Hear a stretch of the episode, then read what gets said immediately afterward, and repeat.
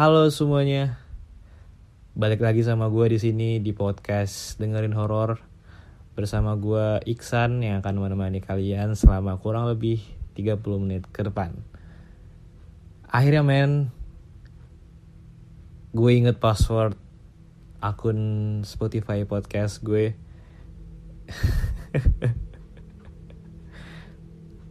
gue sebenarnya pengen ini sih pengen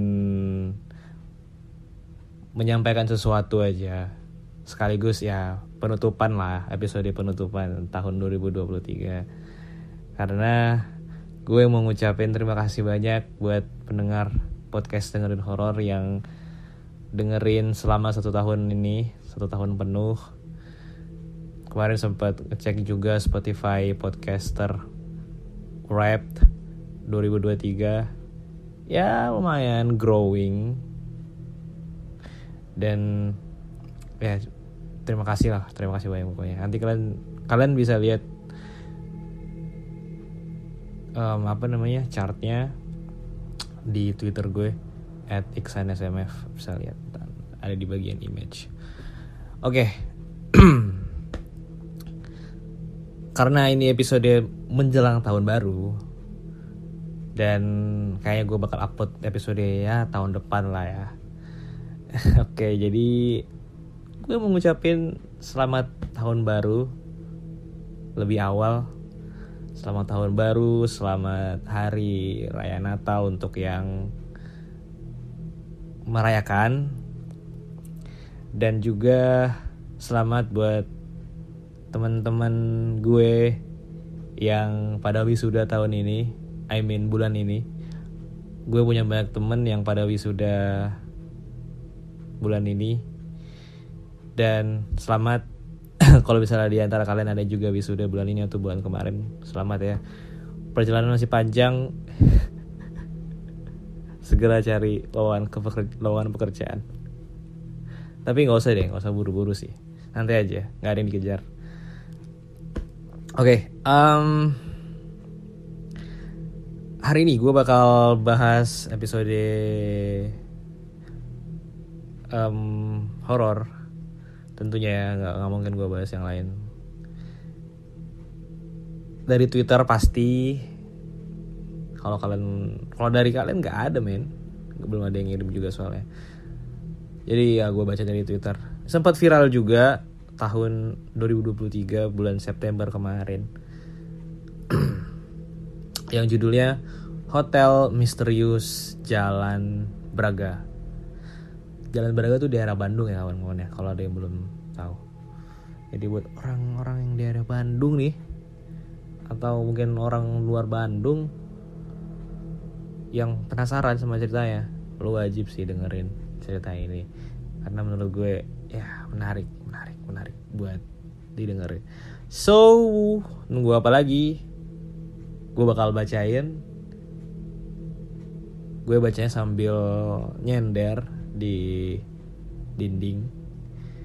Kalau lu mungkin pengen tidur atau lagi di kursi atau lagi ngapain lagi kerja make yourself comfortable nyaman dengerin ya. Jadi ya, bisa dapat suasananya. Oke kita mulai. Let's go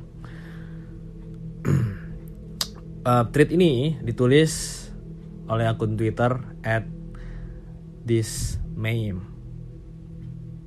nama twitternya kulit kacang sorry ya aku nggak akan spill nama hotelnya tapi aku yakin warga sekitaran Braga tahu nama hotelnya.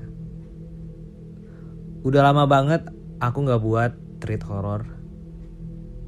Balik lagi nih, gue bawa cerita dari anak gabut yang demen staycation. Pengalamannya nggak jauh beda sama gue waktu staycation juga di kota Bandung ini. Makanya gue kayak relate banget, bejir. Ya udah, gue bawa ini buat kalian.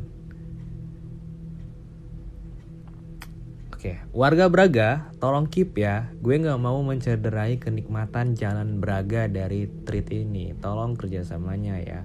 Terima kasih. Oke, lu buat yang tinggal daerah Bandung lu diam jangan share teman-teman ya perkenalkan aku Karin. Ini nama samaran aja. Ya dan ketiga sahabatku namanya Stella Priska dan Alvina. Kami bersahabat sudah dari SMA jadi jadi ke mana pun selalu bersama nangis pun selalu bersama. Kami tinggal di satu kota tapi hanya berbeda kelurahan aja Bogor Cerita bermula dari awal masa pandemi yang kian lama kian membosankan. Saat itu tempat kami bekerja belum terkena libur serentak masa pandemi. Jadi hanya bangun, kerja, tidur, repeat. Terus tiba-tiba ada chat di grup WhatsApp kami dari Priska. Priska ngechat gini. Kalian bosan gak?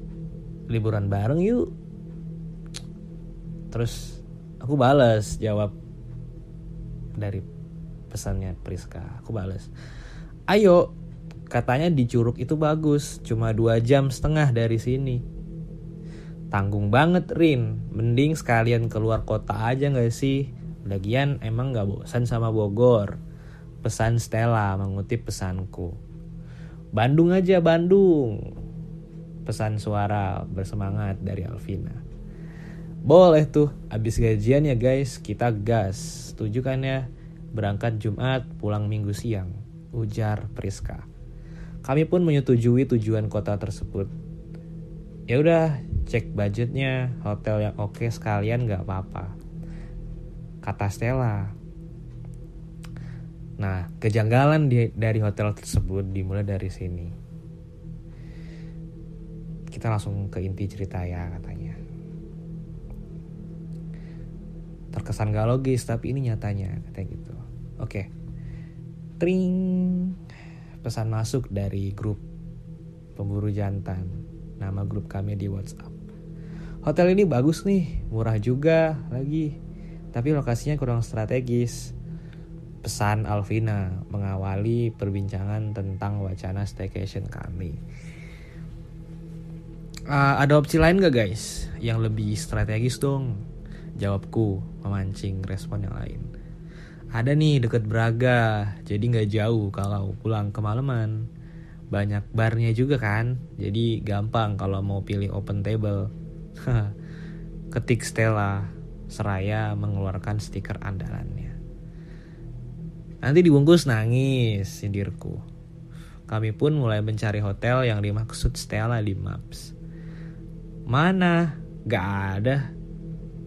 Lu di lu nyarinya di mana Jainab celetuk Alvina kepada Stella. Ternyata hotel yang dimaksud hanya ada di pencariannya handphone Stella. Stella mengirimkan gambar dan budget hotel tersebut. Bodohnya kami tidak melihat ulasan pada hotel tersebut. Hanya tertera bahwa hotel itu termasuk hotel bintang 4 seakan sedang terbius oleh harga dan kenampakan hotel pada display gambar aplikasi tersebut. Terus Alvina bilang, "Oke okay juga. Ya udah, booking." Kami menetapkan pilihan pada hotel yang membuat liburan kami menjadi pengalaman kami yang tak terlupakan sampai saat ini. Terus Stella kirim voice note sambil ketawa. Minggu depan udah gajian ya, gue talangin dulu nggak apa-apa. Nanti kalian gajian transfer aja ya langsung buat dua malam. Kemudian obrolan beralih menjadi grup chat perjulitan oke skip. Seminggu sebelum hari H penghuni grup menyempatkan berkumpul untuk sekedar makan bareng. Hitung-hitung melepas lelah pekerjaan.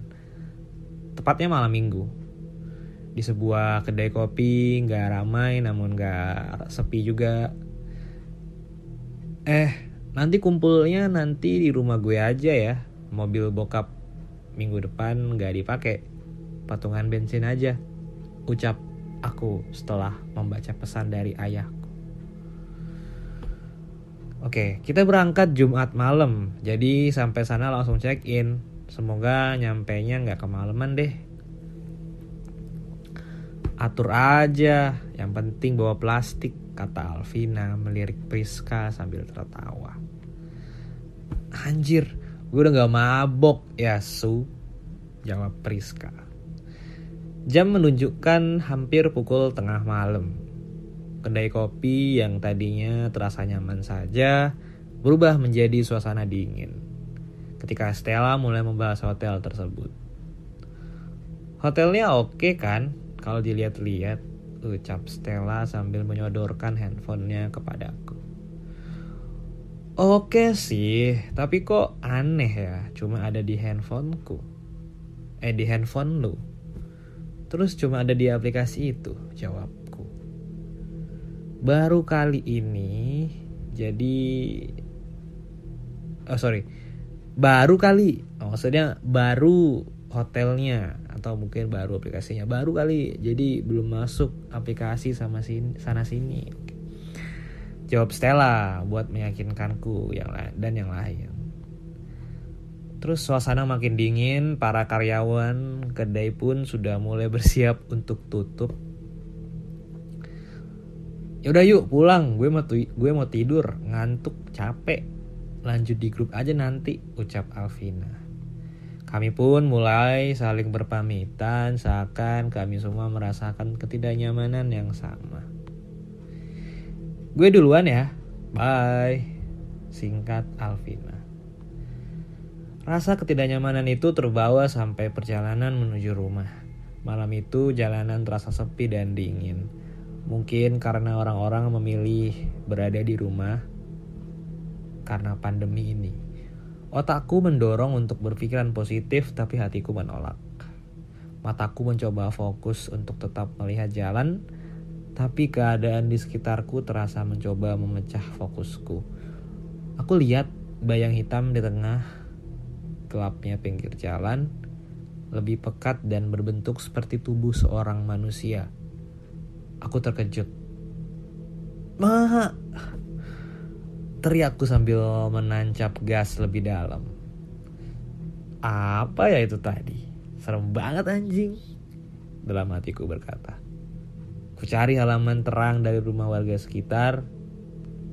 Terus gue ucap gue langsung ngechat grup pemburu jantan sambil bilang gini guys temenin gue balik lewat telepon lewat voice note dia ngirimnya lewat voice note maksudnya aku lewat kirimnya lewat voice note ke grup pemburu jantan sambil bilang tadi guys temenin gue balik lewat telepon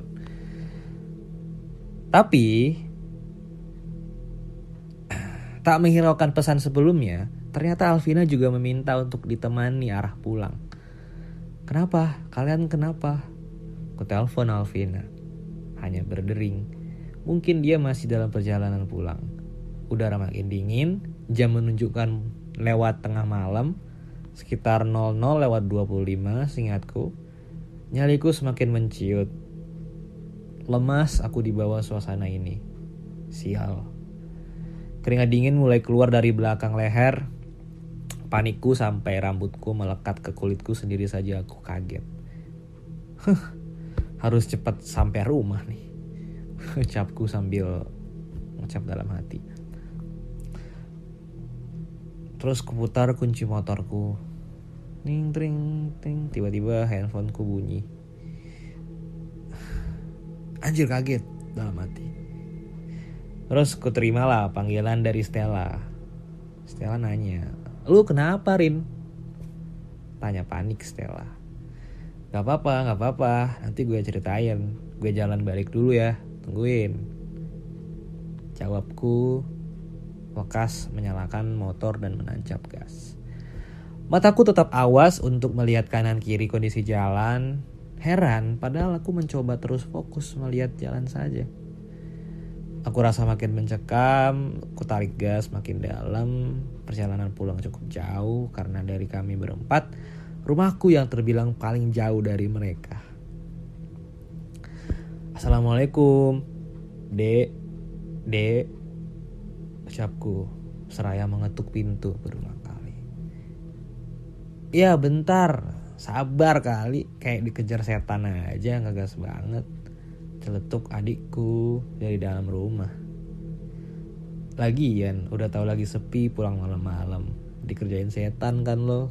tahu gue ucap adikku terus gue cuci kaki cuci muka ganti baju bener bau keringat gara-gara kejadian itu. Gue lihat layar handphone yang menyala karena mention grup WhatsApp. Udah sampai rumah belum lu? Tanya Stella. Aku mengurungkan niat untuk bercerita di grup. Energiku sudah habis ku abaikan pesan mereka. Di ujung malam aku terbangun karena mimpi buruk. Entah mungkin karena masih ada rasa ketakutan. Tak lama azan subuh berkumandang. Aku rasa sholat dulu bisa membuatku lebih tenang. Aku seperti sedang masuk menjadi peran utama film makmum yang pernah tayang di bioskop. Adegan hampir sama persis. Sepanjang sholat, panikku tak bisa dikontrol. Semakin lama semakin mencekam sampai bangun dari rukuk saja lututku berasa bergetar. Setiap gerakan kurasa seperti ada yang sedang mengikuti. Ku bilang hampir persis film makmum. Kukuatkan nyaliku sampai sujud terakhir.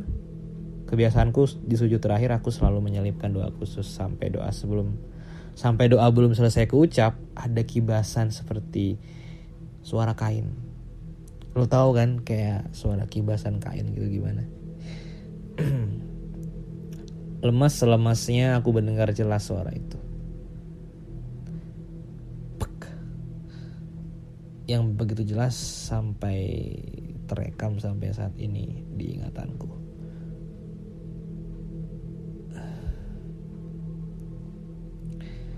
Doa yang khusus yang kubaca di sujud terakhir berubah menjadi ayat kursi.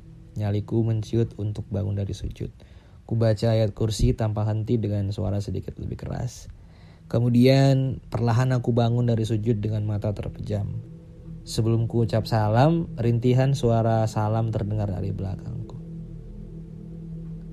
Assalam. Terdengar seperti itu suaranya. Tek. Hatiku kaget. Jantungku seakan berhenti sepersekian detik. Lalu kemudian berdetak tak beraturan lebih kencang. Assalam. Keringat mengucur deras dari dalam muka aku, ingin teriak tapi mulutku terasa terbungkam di situasi itu. Tiba-tiba suara alarm terdengar, tapi aku masih mengurungkan niat untuk membuka mata lalu mengucap salam. Tapi dengan sisa nyali, ku tuntaskan waktu subuhku dengan memejamkan mata. Assalamualaikum warahmatullahi wabarakatuh. Assalamualaikum. Dengan sedikit melirik. Saat kulihat tidak ada apa-apa, rasanya ingin menangis jadi jadi sejadi-jadinya. Selesai sholat, kupaksakan untuk melanjutkan istirahatku. Hah, oke. Okay. Kita loncat ke hari haya. Gue nggak tahu ini ada hubungan sama hotel itu atau enggak. Cuma pertama kalinya si Karina ini ngerasain itu. Hotelnya udah konfirmasi email sanitasi ya, ucap Stella di grup WhatsApp. Nanti jalannya jangan kemalaman, takut karena sepi. Tahu sendiri kan, ini lagi pandemi, jalan sepi semua, kataku. By the way, si Karin itu nggak cerita kawan ke kawannya kalau ada kejadian itu. Jadi kawannya nggak berprasangka apa-apa sebelum berangkat ke Braga. Oke. Okay. Jadi kata penulisnya, si Karin ini belum cerita ke kawannya, ke teman-temannya soal pengalaman dia tadi yang seperti di film Makmum diganggu pas lagi sholat subuh. Kemudian satu persatu peserta uji nyali berkumpul. Udah lengkap semua ya, gak ada yang ketinggalan, ucapku. Kami pun mulai berangkat ke kota tujuan. Kami sepakat untuk lewat jalur belakang. Takut ada apa-apa sama mobil repot kan ya kalau di tol terlebih lagi kami cewek semua suka jajan kalau lihat jajanan enak. Akhirnya kami lewat Cianjur. Perjalanan memakan waktu kurang lebih 3 jam. Aku dan Stella bergantian selama menyetir. Dalam perjalanan tak terekam hal aneh apa pun. Tiba di kota tujuan pukul 22 lewat 00 lebih Kami memutuskan untuk berjalan-jalan sebentar di pusat kota tersebut sebelum check-in hotel dan beristirahat. Rasa khawatir mendadak datang dari benakku. Kalian pernah kan ngerasain kayak perasaan gak enak kalau mau ada sesuatu? Ya seperti itu, panik. Kira-kira hotelnya nyaman gak? Ya buat dua malam. Celutukku sambil menyetir ke arah hotel tujuan. Ngapain mikir yang enggak? Enggak sih Rin. Kita kan ke sini mau liburan, jawab Priska. Kalau nggak nyaman nanti pindah aja. Habis gajian kan? Santai. Kata Stella. Perasaan tenang agak sedikit timbul setelah mendengar jawaban Priska dan Stella. Aku lanjutin menyetir. Dan kami pun sampai di jalan bertuliskan Braga. Masih agak ramai mungkin pandemi belum terlalu dikhawatirkan pada waktu itu Hotel kami terhimpit di antara hotel-hotel menjulang di tengah kota tersebut. Tidak terlalu tinggi, tapi kata Stella hotel tersebut terdapat rooftop. Lantas kami makin tertarik. Terus aku ngomong gini sama teman temanku. Guys, temenin ke basement dulu ya. Check in terus abis itu terserah mau tidur apa keluar dulu jalan-jalan di situ. Dan kami tiba di hotel tersebut Keadaan basement masih terlihat aman-aman aja. Terparkir sekitar beberapa motor dan beberapa mobil mungkin tak lebih dari tujuh. Kami parkir di tempat yang agak lapang dekat pintu masuk menuju lobi hotel. Terasa panas, sesak, mungkin memang ya seperti ini keadaan basement. Stella yang berani memasuki lobi duluan, terus Stella mengucap permisi. Selamat malam kak, jawab resepsionisnya. Stella sempat shock melihat jawaban resepsionis tersebut. Karena shock, tahu karena apa? Karena pandangannya tajam dan gerakannya agak kaku. Yang kami temui hanya satu resepsionis dan satu satpam dekat pintu lobi utama. Mungkin karena ini pandemi jadi banyak karyawan yang diliburkan ya. Atas nama Stella kak, ucap Stella sambil terbata-bata. Eh, kayak gini kalau terbata-bata kayak gini. Atas nama Stella, Kak. Priska dan Alvina sibuk melihat-lihat lobi hotel tersebut tersirat dari wajah Priska yang sudah merasa tidak nyaman dengan kenampakan lobi yang hampir tidak sesuai dengan yang ada di display aplikasi. Kondisi lobi yang terkesan bau asing tidak seperti hotel pada umumnya bukan anyir, hanya asing. Dan aku pun baru mencium bau hotel seperti ini. Positif saja mungkin aromaterapi varian baru. Tapi ini nggak menenangkan, justru membuat tegang. Ya memang ada lilin di atas meja resepsionis, mungkin itu sumber baunya. Kita dapat kamar 703 nih. Ucap Stella. Liftnya di situ. Lanjutnya. Terdengar dari cara bicara Stella, dia mulai tidak nyaman dengan hotel ini. Kami berempat pun melangkah menuju lift. Sejauh kami melangkah hanya terlihat ornamen-ornamen antik dan foto-foto bagian hotel. Terlihat di roof, ternyata di rooftop juga terdapat kolam renang dan bar. Perlahan langkah kami sampai di depan pintu lift. Tujuan kami lantai 7. Kenapa harus tinggi itu? Padahal hanya ada beberapa kendaraan di basement barusan. Tanya aku dalam hati. Terus Alvina nanya, kenapa dapat lantai tinggi ya? Kan sepi tadi yang parkir. Aku dan Alvina pun punya pertanyaan yang sama pada hotel ini. Terus si Stella jawab, mungkin kamarnya beda-beda kelas. Kita kan gak ada yang rokok. Terus request bednya beda juga. Ting. Pintu lift terbuka. Semerbak bau persis yang ada di lobi sampai ke sini. Atau memang baunya disebar ke seluruh rantai hotel ini, Gak tahu. Kami mencari kamar yang akan kami tempati selama dua malam di hotel tersebut. 701 702 Ah ini nih Ucap Stella sambil menunjuk Mau langsung tidur apa mau keluar dulu?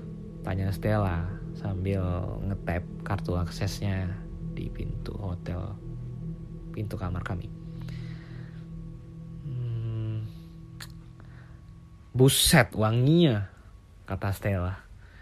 Hah kayak gini kok dibilang wangi? Dalam hatiku. Bau yang sama seperti lobi hotel dan koridor. Pertanyaanku terjawab.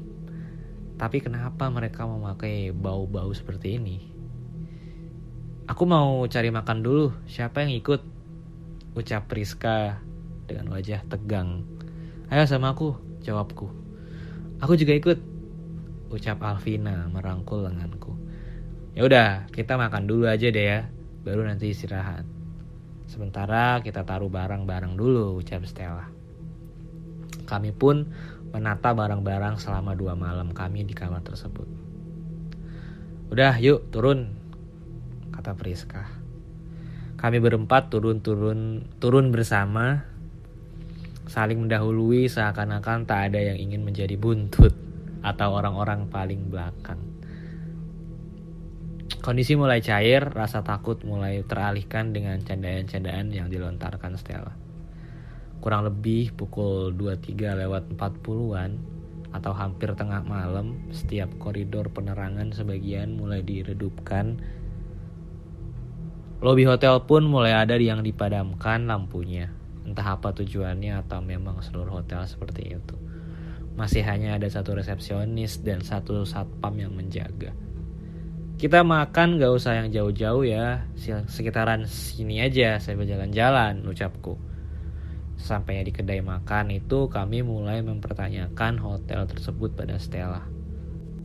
Tapi ternyata kata Stella, sepertinya episode ini bakal dilanjut di episode berikutnya. Karena udah 30 menit men. Oke. Okay? So, uh, gue Iksan, gue bakal lanjutin episode ini. I mean, treat ini di episode berikutnya. Gue Iksan, gue ucapkan terima kasih yang sebesar-besarnya buat pendengar podcast dengerin horor selama satu tahun ini. Sampai jumpa lagi di episode berikutnya.